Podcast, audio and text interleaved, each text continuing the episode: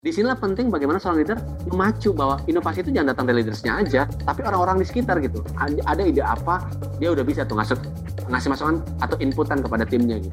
Pot Manis, obrolan seputar manajemen dan bisnis yang diulas langsung oleh para ahlinya. Pot Manis, your one-stop management and business channel. Halo Sobat PPM, kembali lagi di Pot Manis, your one-stop management and business channel. Kali ini bersama Coach di bidang Leadership and Talent Development. Ada saya, Coach Juli, dan... Saya, Coach Ozi. Halo Coach Ozi, apa kabar?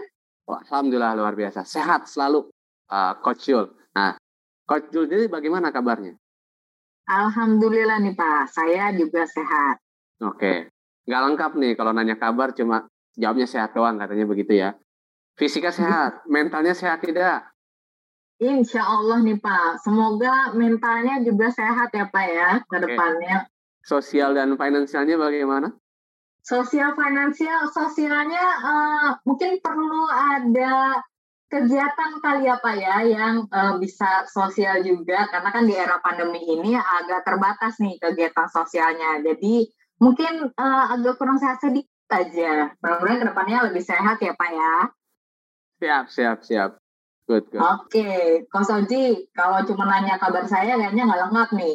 Mudah-mudahan uh, rekan-rekan yang mendengarkan post manis ini juga dalam keadaan baik dan juga sehat ya.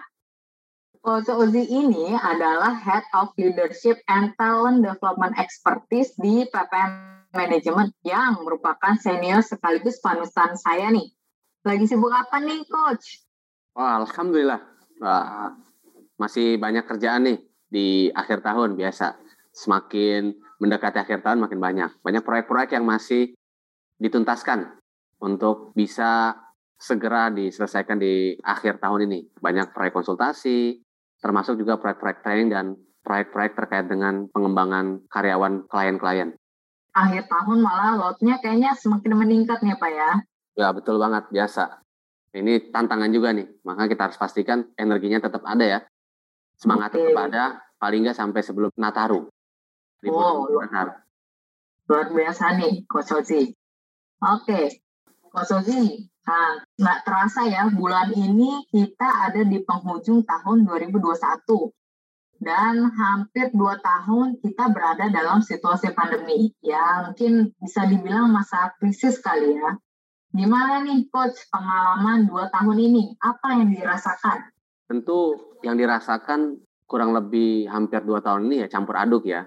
Ya, ada kalanya happy, senang, bersyukur, ya ada kalanya juga dalam kondisi di mana kita nggak ketemu sama orang gitu ya. Kita merasa, aduh kayaknya lelah banget gitu ya. Jadi benar-benar campur aduk lah seperti itu. Tetapi memang kalau mau ditarik yang paling umum ya, ya masih dalam kondisi yang apa namanya bersyukur lah gitu ya di tengah kondisi pandemi meskipun bisnis lagi down, ya kita masih bisa survive, masih bisa berkontribusi gitu. Saya juga masih bisa coaching, masih bisa ngajar, masih bisa bantu klien-klien untuk memperbaiki organisasinya. Jadi itu satu hal yang perlu disyukuri lah. Begitu, Coach Oke. Okay. Nah, di Coach, uh, memang struggling banget nih ya di tahun 2021. Terus uh, kalau saya lihat kemarin nih di berita gitu ya data terakhir menunjukkan Indonesia dalam beberapa bulan terakhir ini bisa mengendalikan pandemi dan hal ini juga tadi seperti coach bilang ya patut disyukuri. Lalu bagaimana nih coach melihat dunia bisnis di tahun 2022 dengan kondisi seperti ini? Ya betul Jo. Kita lihat memang kondisi Indonesia ini relatif ini ya paling enggak dalam dua bulan belakangan ini ya, kalau kita baca berita, data dan informasi, pandemi di Indonesia dapat dikendalikan. Ini suatu hal yang harus kita syukuri ya. Karena kalau kita lihat ya, angka kasus dan kematian di Indonesia ini terus turun gitu ya. Sementara kalau kita lihat di negara-negara lain gitu, terutama Eropa gitu ya, mereka masih berjuang dengan gelombang pandemik yang terus kembali memuncak gitu. Bahkan kemarin di Perancis gitu ya, mereka harus menghadapi gelombang kelima. Ini kan suatu yang luar biasa gitu ya. Indonesia ini kita baru merasakan gelombang kedua. Ya. Nah ini kita perlu apresiasi tentunya ya untuk seluruh pihak ya yang telah berjuang dengan sangat luar biasa membuat Indonesia ini menjadi negara dengan tingkat penularan rendah menurut Pusat Pengendalian dan Pencegahan Penyakit Amerika Serikat, Center for Disease Control and Prevention. Nah, ini suatu hal yang kita patut sekali lagi saya katakan syukuri banget gitu ya. Nah, dengan begitu rasanya nih saya melihat Indonesia bersiap nih untuk masuk fase endemik gitu. Kalau menurut epidemiolog katanya ya penyebaran wabah itu ada, ada tiga tahap. Tahap pertama epidemi itu, kemudian ada fase pandemi. Nah, pandemi nanti masuk endemi. Nah, mudah-mudahan nih kita udah mulai bersiap nih masuk ke fase endemi nih. Karena pakar epidemiologi dan kesehatan tadi berpendapat bahwa laju kasus COVID-19 itu di Indonesia cukup terkendali. Nah ini memang perlu kita sikapi hati-hati sekali nih menyikapi turunnya kasus ini gitu dan mulai menyusun rencana kali ya menuju tahapan perkembangan kasus yang lebih terkendali yaitu status endemik tadi gitu. Begitu kira-kira. Oke, kenapa nih coach kita harus hati-hati? Nah ini ini sangat kritikal ya. Nah ini lagi-lagi ya bukan kata saya tapi kata epidemiolog ya. Jadi kita punya tantangan di depan nih. Ya, tentu mungkin Coach Juli tahu ya, akhir tahun lalu kan juga sempat ya kita uh, setelah habis Lebaran kalau nggak salah ya, tahun 2020 juga sempat turun kan, kemudian sempat naik lagi setelah libur Nataru. Nah, di depan ini kita ada Nataru nih, libur Natal dan Tahun Baru. Nah, mudah-mudahan sih tidak terjadi gelombang ketiga lagi, karena ini bisa menghambat ya transisi pandemi ke endemi katanya begitu. Nah, jika kondisi pengendalian ini terus terjadi ya, sampai awal tahun 2022, artinya tidak ada lagi lonjakan kasus, nggak ada lagi gelombang ketiga, wah ini menurut saya udah kabar yang sangat mengembirakan lah pokoknya bagi dunia bisnis. Jadi kita patut happy nih, berbahagia gitu ya. Mudah-mudahan seperti ini terus gitu.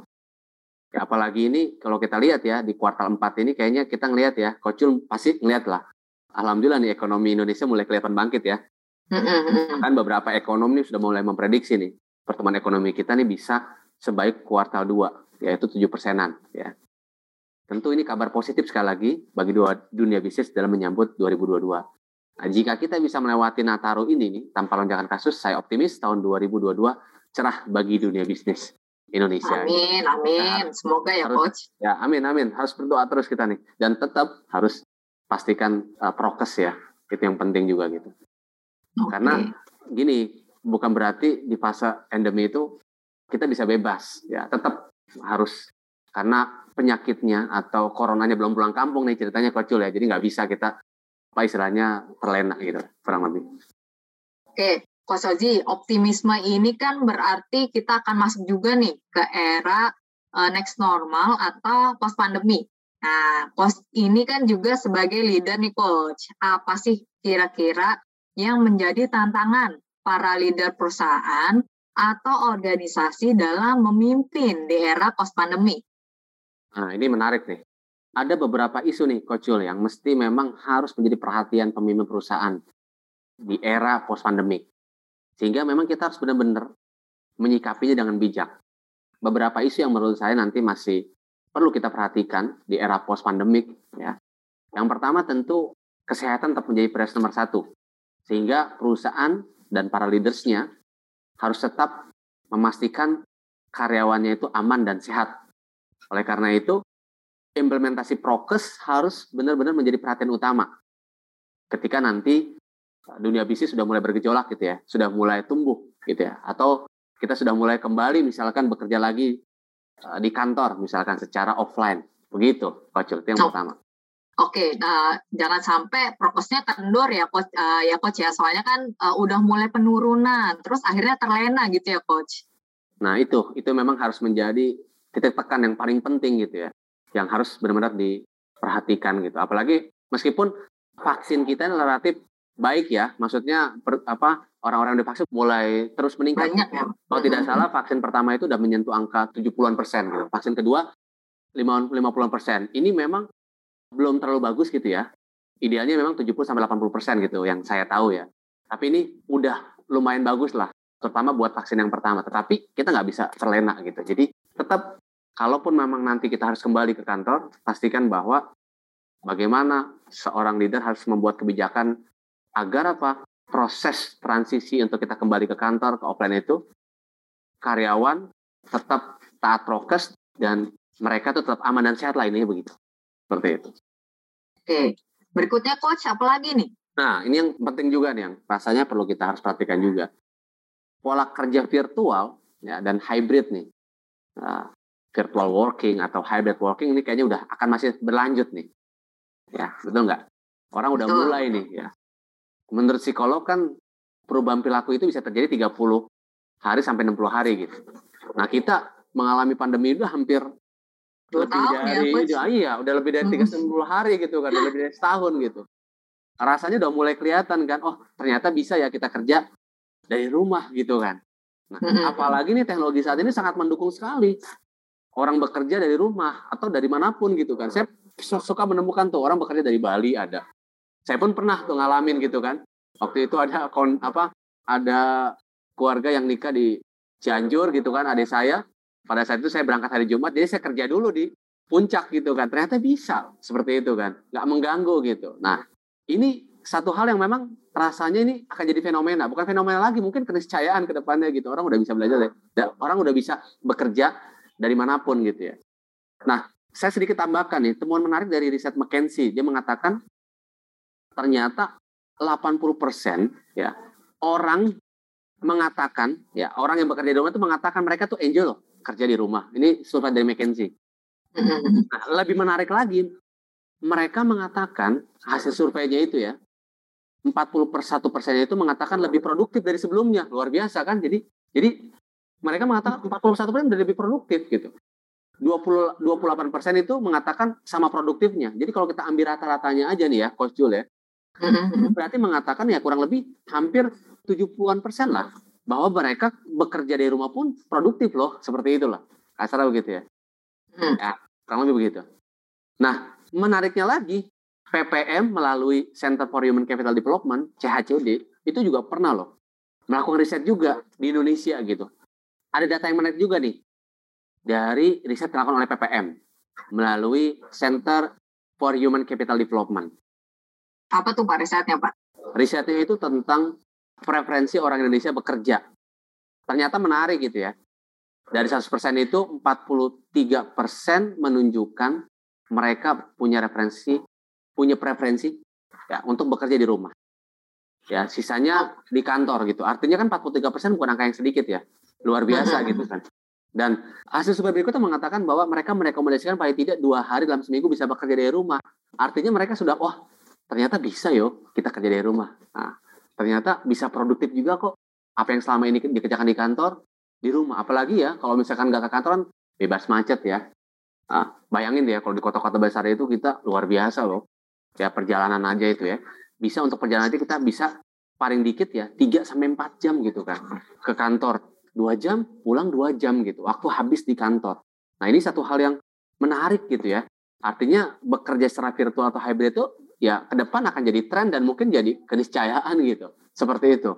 Acil betul betul Pak. Terus saya juga pernah dengar nih Pak riset dari Microsoft ya. Tahun 2019 malah uh, mereka udah mulai nih kerja empat hari seminggu gitu. Dan mereka merasa itu uh, mereka lebih produktif juga gitu dengan kerja dari uh, kerja empat hari seminggunya seperti itu. Wah asik ya empat hari seminggu ya berarti luar biasa itu asik karyawannya happy. Tapi emang iya. emang, begini, emang begini Coach Jul ya kita lihat juga ya memang ada tergantung ya tergantung industri atau tergantung perusahaannya sih ya. Mungkin kalau kayak Microsoft atau perusahaan-perusahaan yang berbasis teknologi rasanya sih mereka udah udah bisa ya full virtual atau mungkin ya dari tujuh hari atau dari lima hari kerja ya 80 persennya atau 60 persennya itu udah bisa virtual uh, sisanya baru di kantor. Jadi lebih banyak virtualnya daripada di kantor gitu.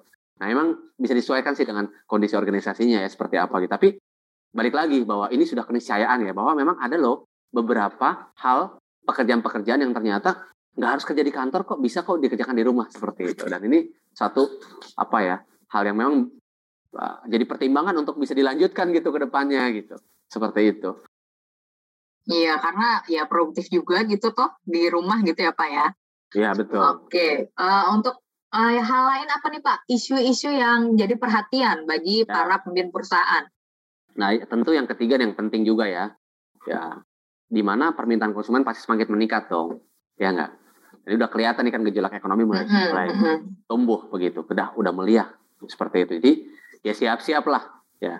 Perusahaan para leadersnya ini ya seiring dibukanya kegiatan ekonomi yang dulu sempat dibatasi gitu ya maka perusahaan harus bersiap. Tiba-tiba permintaan konsumen melonjak tajam gitu.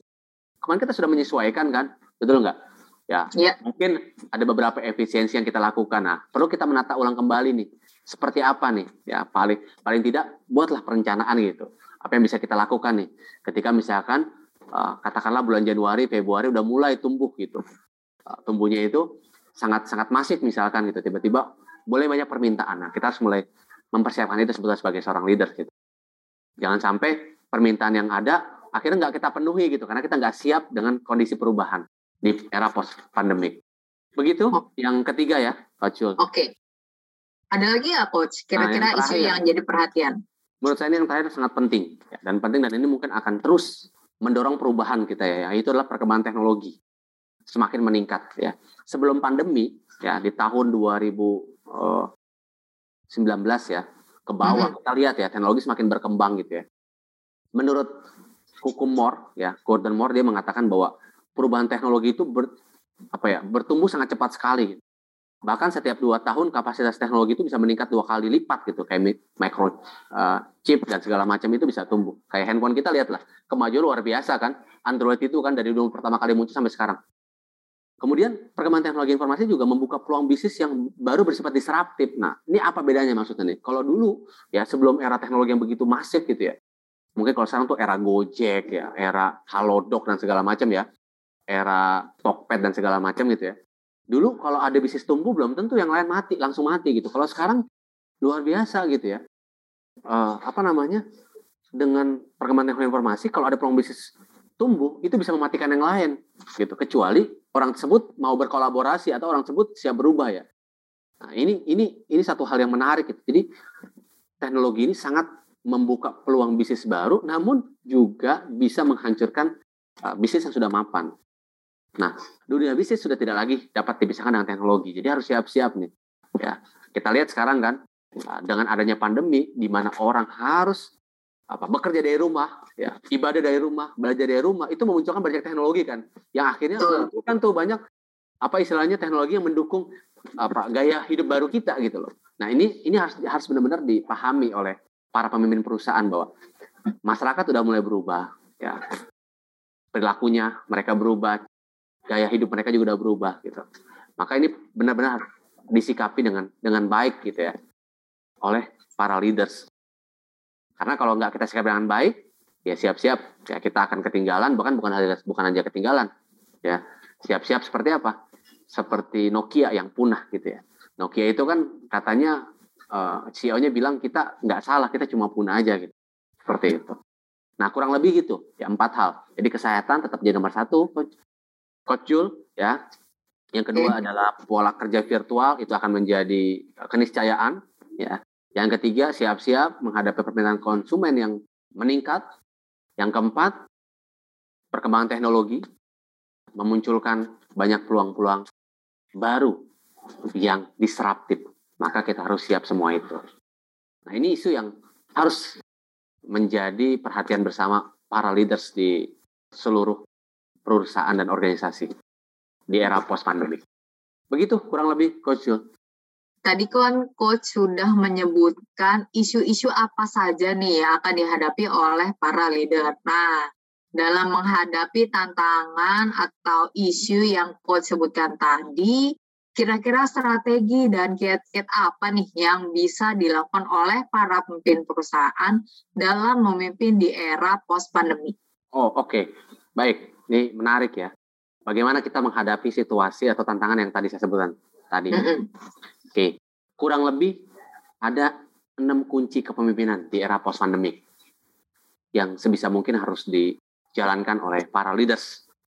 Oke, kita bahas satu persatu ya, kita kupas tuntas habis gitu ya.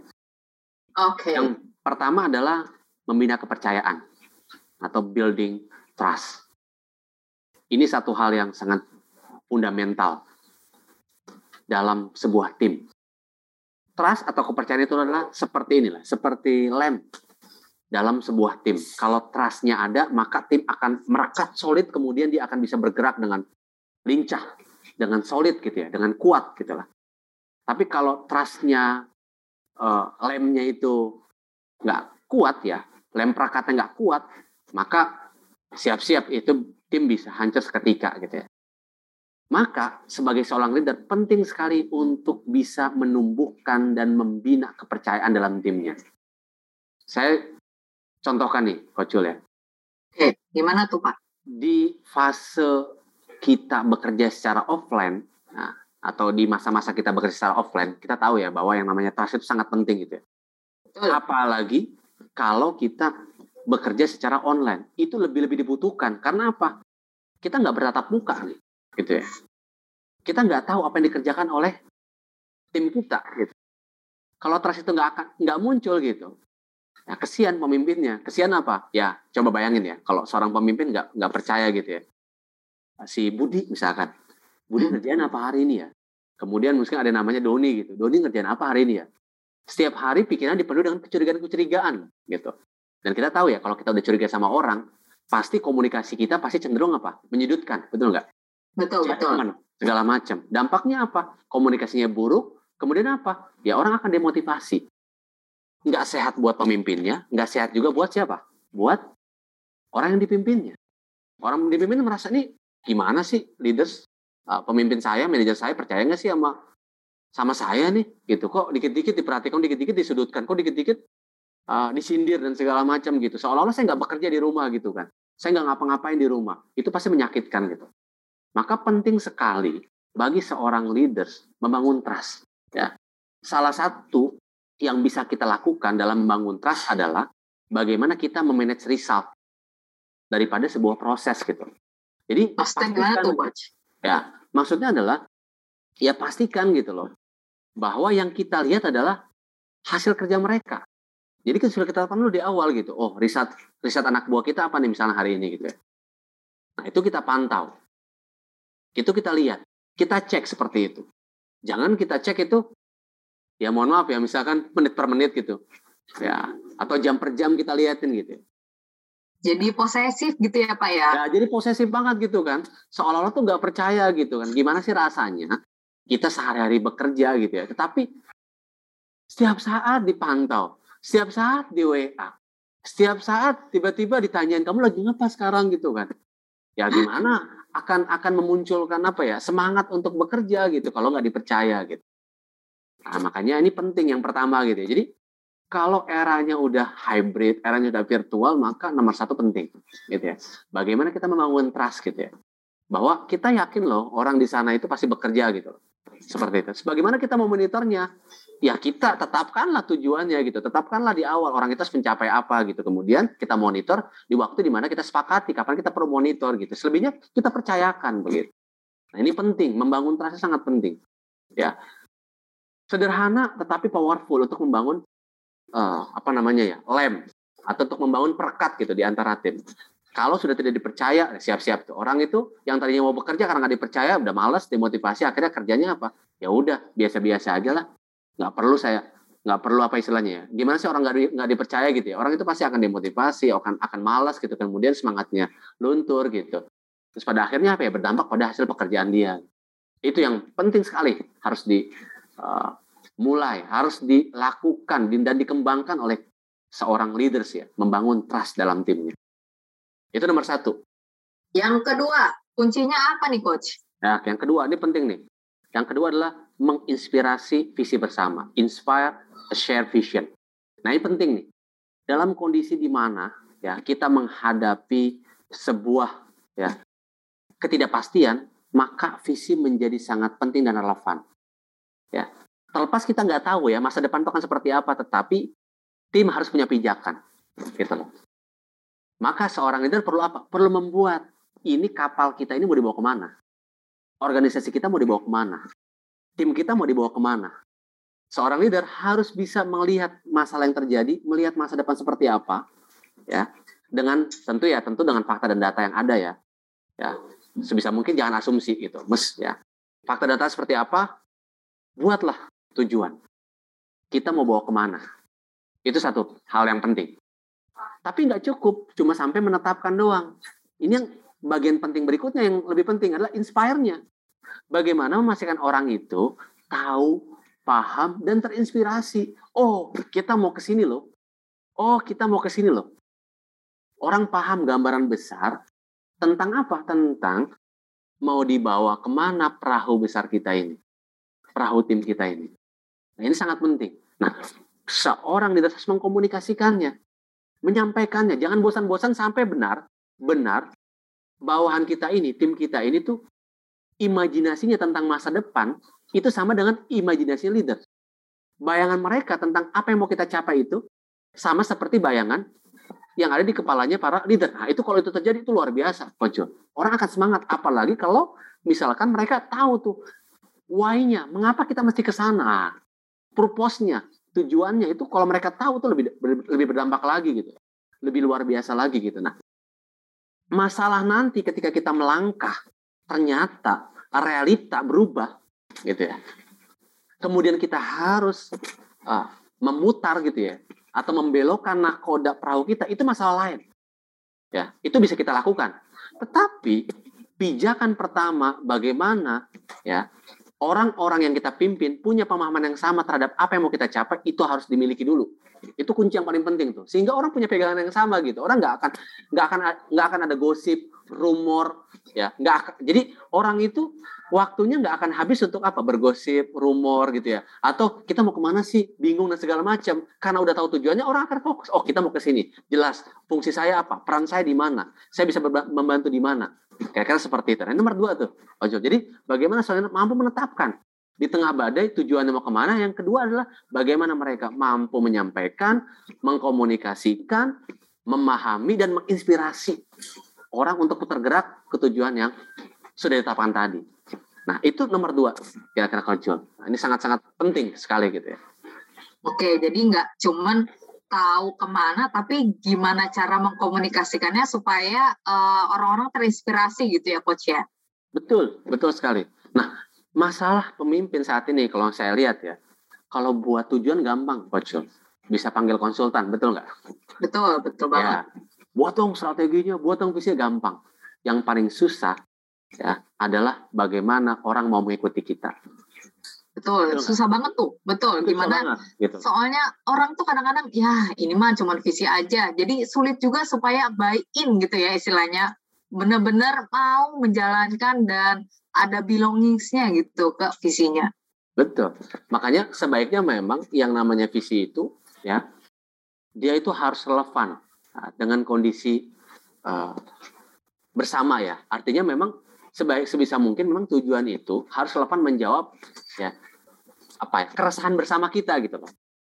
Jadi gimana caranya uh, visi ini orang-orang bisa buy in terhadap visinya?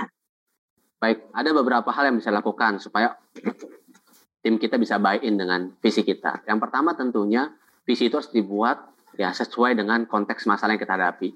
Dia harus menjawab keresahan kita, kekhawatiran kita, serta situasi kondisi yang sedang kita hadapi gitu. Jadi memang yang namanya visi itu bukan sekedar kita mau ke mana, tetapi mengapa kita ke sana itu mengamanya lebih penting. Jadi mulailah berkomunikasi dengan why-nya, mengapa seperti itu, sehingga orang paham gambaran besarnya seperti itu. Itu yang pertama ya. Jadi bagaimana visi itu harus menjawab keresahan kita, kekhawatiran kita, dan bisa menjawab masalah yang sedang kita hadapi.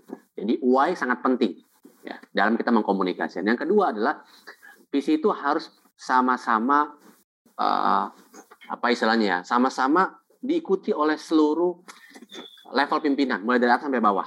Jangan sampai misalkan antar leaders gitu ya, misalkan top manajemen A berbeda dengan yang B. A komunikasi apa yang berbeda. Nah, itu itu bisa membuat orang ambigu sehingga memang harus kompak gitu lah. Direkturnya kompak gitu ya. Uh, katakanlah GM-nya kompak sehingga memang dari atas ke bawah itu tidak terjadi perbedaan informasi terkait dengan tujuan yang mau kita cari seperti itu. Yang ketiga, ya teruslah mengkomunikasikan, teruslah mengkomunikasikan. Artinya jangan bosan-bosan gitu. Ya. Sekali komunikasi nggak cukup, ya. Maka dalam era, apalagi dalam era online ya, komunikasi itu sangat penting, interaksi itu sangat penting. Jadi kita penting untuk terus menyampaikan bahwa kita mau ke sini, ya. Kemudian kita monitor kembali gitu. Kita sudah di sini. Nah, kira-kira sudah berapa jauh kita melangkah. Orang jadi tahu kan, oh kita on the track atau belum gitu.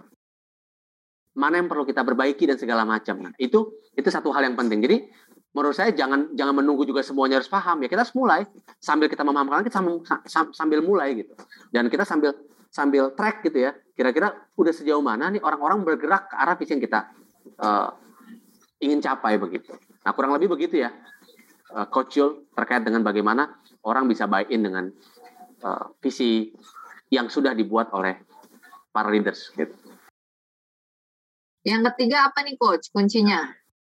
Oke, yang ketiga adalah building agile and collaborative team. Bagaimana kita bisa mengembangkan tim kita yang lincah, gesit, dan mampu berkolaborasi. Ini sangat penting. Di awal saya sudah menjelaskan ya bahwa teknologi itu berubah dengan cepat. Bahkan ya mungkin faktor-faktor lain pun bisa berubah dengan cepat. Contohnya virus corona lah, kan dia berpindah-pindah tuh. Dulu ada varian delta, ingat nggak yang kita nggak prediksi kemudian setelah lebaran muncul dia dan luar biasa lonjakan kasusnya. Sekarang muncul lagi omikron dan segala macam. Kita nggak pernah tahu tuh sekarang. Nggak pernah tahu ke depan akan seperti apa. Jadi memang kita harus benar-benar membudayakan agile dalam tim kita gitu. Bagaimana orang ya bersiap-siap gitu loh. Ketika memang terjadi perubahan, bagaimana mereka bisa gesit, kemudian lincah untuk mau berubah. Nah, faktor yang kedua yang sangat penting adalah kolaboratif nih. Bagaimana mereka mampu berkolaborasi gitu. Jadi hilangkan silo-silo itu bukan kerjaan saya gitu. Jadi kalau orang udah ngerjain job desa selesai gitu, ya udah selesai. Bodoh amat lah orang lain. Bodoh amat tim tercapai. Nah, yang kita lihat apa? Yang lihat adalah timnya. Kalau kita udah selesai, tapi ada ada uh, apa nah katakanlah target tim yang nggak tercapai, bagaimana dia bisa mengulurkan tangannya untuk membantu? Kira-kira apa yang bisa saya bantu ya? Nah, ini memang bukan sesuatu yang mudah ya untuk membentuknya, tapi harus dicoba gitu. Harus kita senantiasa apa ya istilahnya bina tim kita, kembangkan tim kita untuk bisa berkolaborasi dan bergerak lincah. Kurang lebih begitu untuk yang nomor tiga ya. Building agile and collaborative team. Yang keempat apa nih, Coach? Oke, yang keempat adalah accelerate innovation, mengakselerasi inovasi.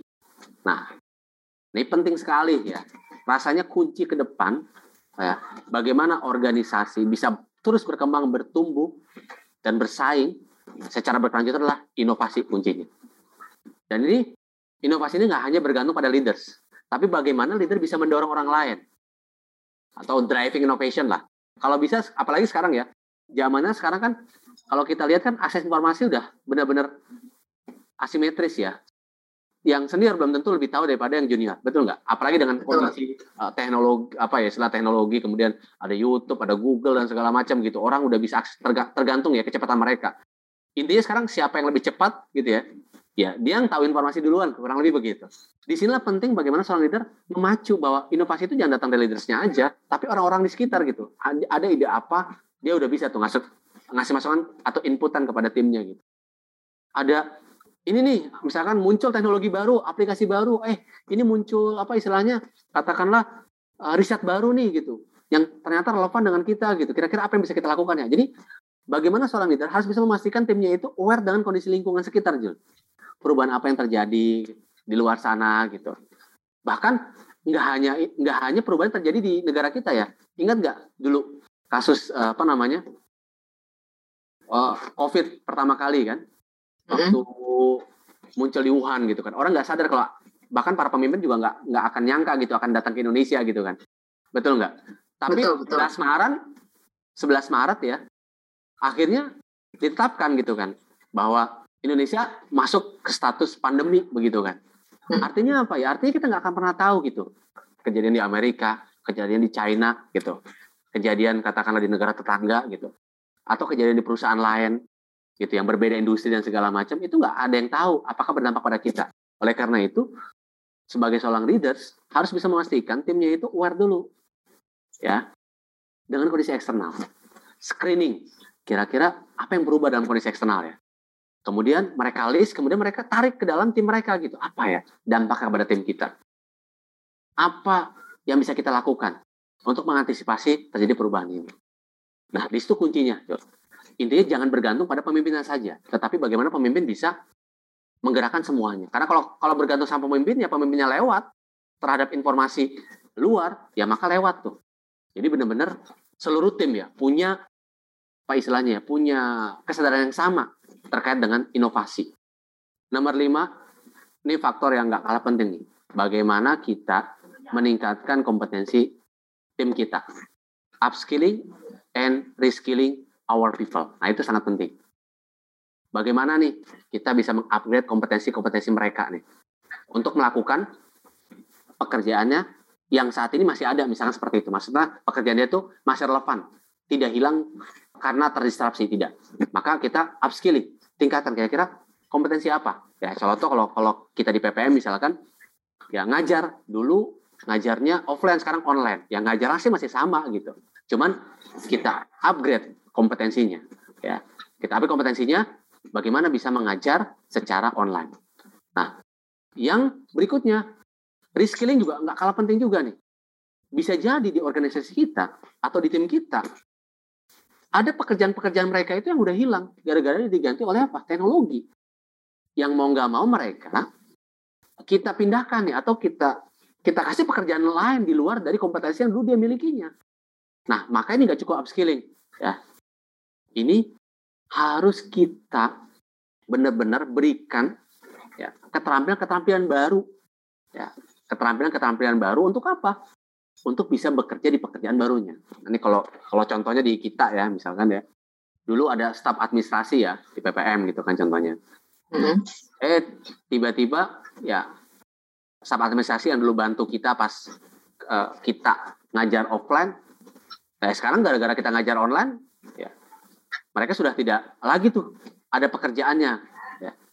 Maka mereka ditariklah menjadi training koordinator, menjadi apa ya namanya uh, tim yang membantu pengajar ketika mengajar online.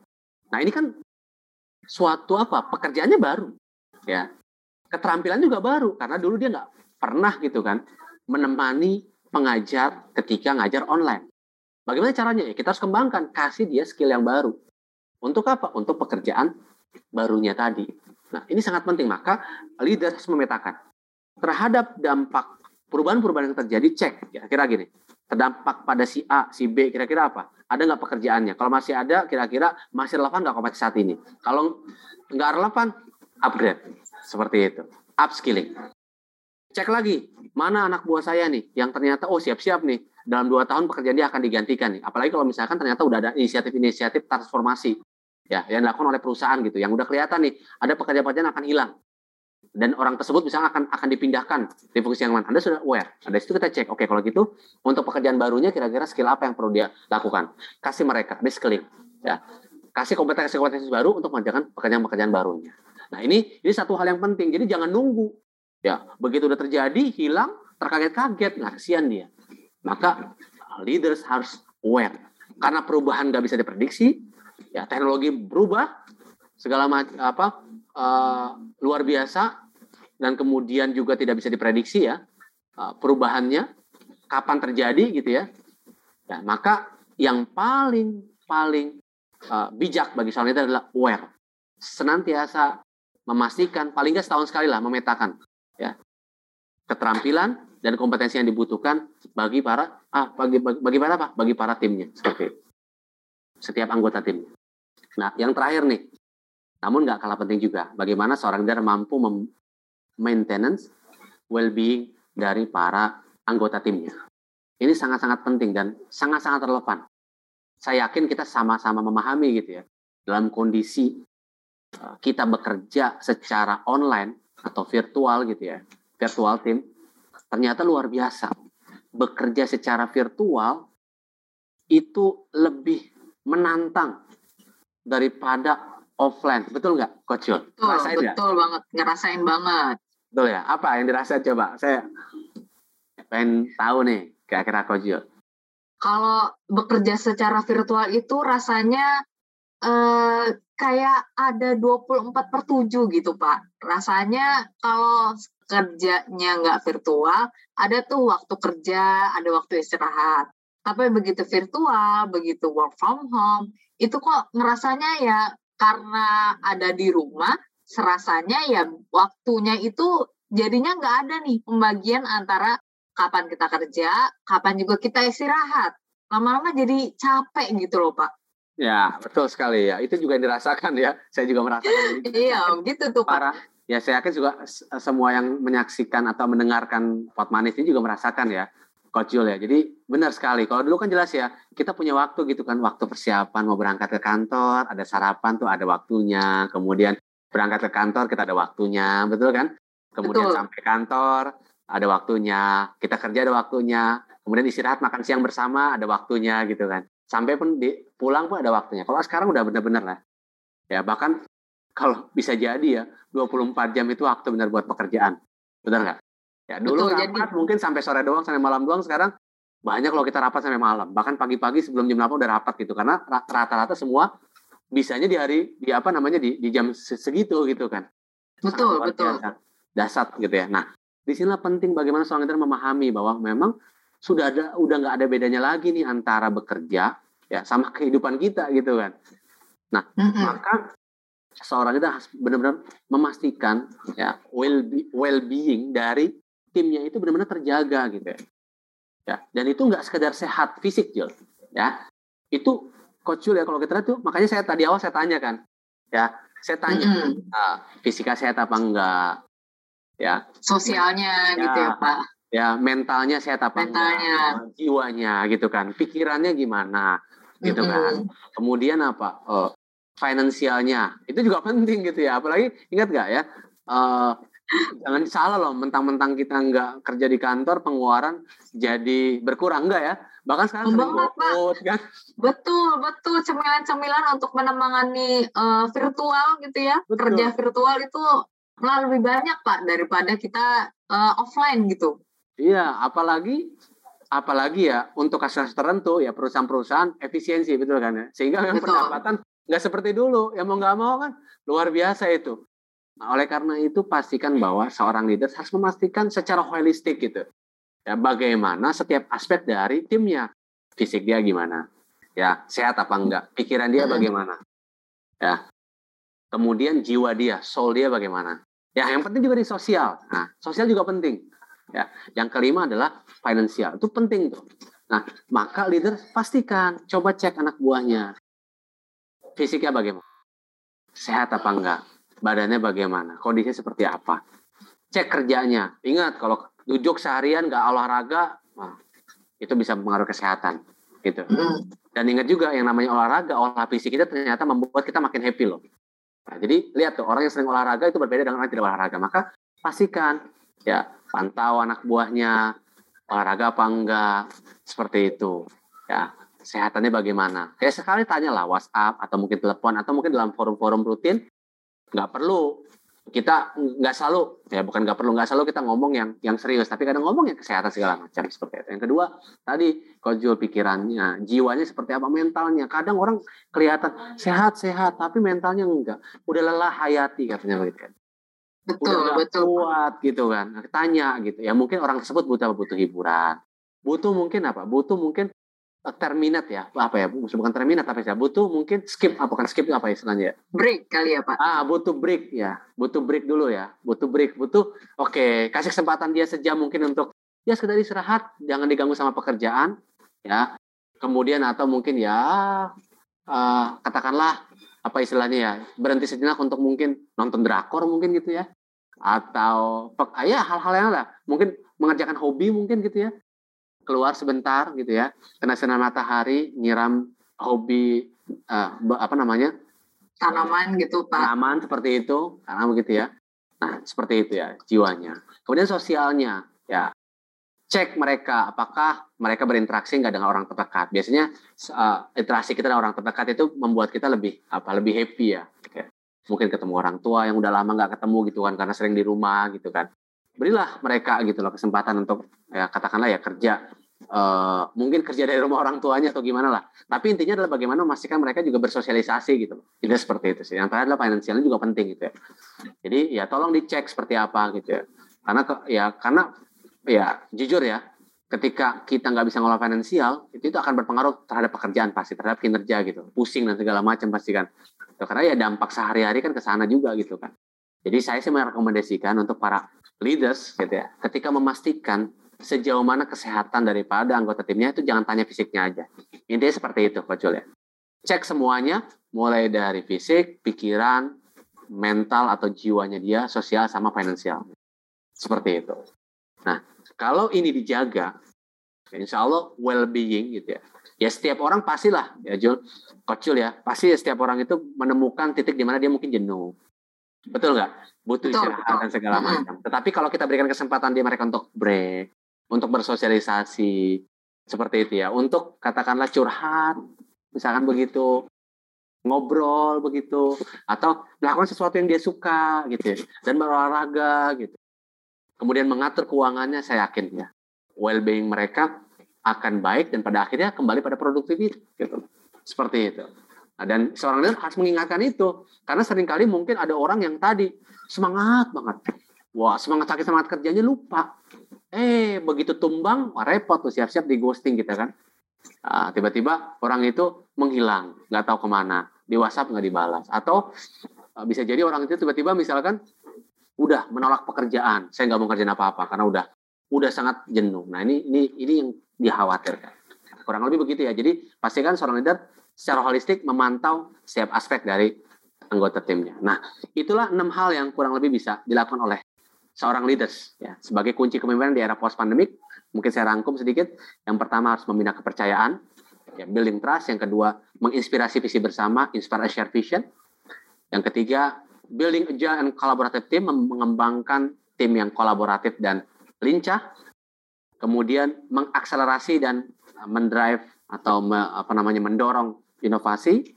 Yang kelima, upskilling and reskilling our people, ya, ngembangin mereka, kompetensi mereka, dan terakhir adalah memaintain apa well-being mereka, memaintain uh, aspek-aspek kehidupan mereka. Kita mulai dari kesehatan, secara fisik, mental, sosial, pikiran, maupun finansial. Kurang lebih begitu, Coach Joe, yang bisa saya share 6 kunci kepemimpinan.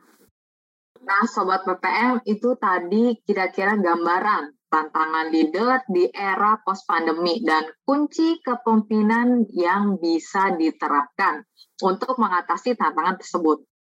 Sekian pembahasan terkait topik kita yaitu leading in post-pandemic. Lalu untuk tahu apa saja tema-tema pot manis berikutnya, bisa follow IG kami yaitu at info seminar PPM atau kalau mau bertanya terkait tema-tema yang sudah dibicarakan di setiap episode Pot Manis, bisa kirim ke email kami di potmanis@gmail.com. Di episode berikutnya, kita akan ketemu dengan para coach Pot Manis dengan tema yang berbeda-beda. Jadi tetap dengerin terus, jangan sampai ketinggalan setiap episodenya. Terima kasih Coach Oji yang sudah bersedia berbincang pada hari ini. Sama-sama, Kojo, saya sangat senang bisa berbagi di Pot Manis kali ini. Mudah-mudahan memberikan manfaat buat para pendengar semua. Amin, amin. Dan juga terima kasih nih untuk sobat PPM semua yang udah dengerin. Salam sehat selalu. Pot Manis, your one-stop management and business channel. Hey hey hey, jangan lupa follow akun sosial media kami di Instagram at info seminar PPM dan juga Facebook publikasi dan seminar PPM. Untuk saran dan pertanyaan seputar Pot Manis, Sobat PPM bisa email ke potmanisppm at gmail.com.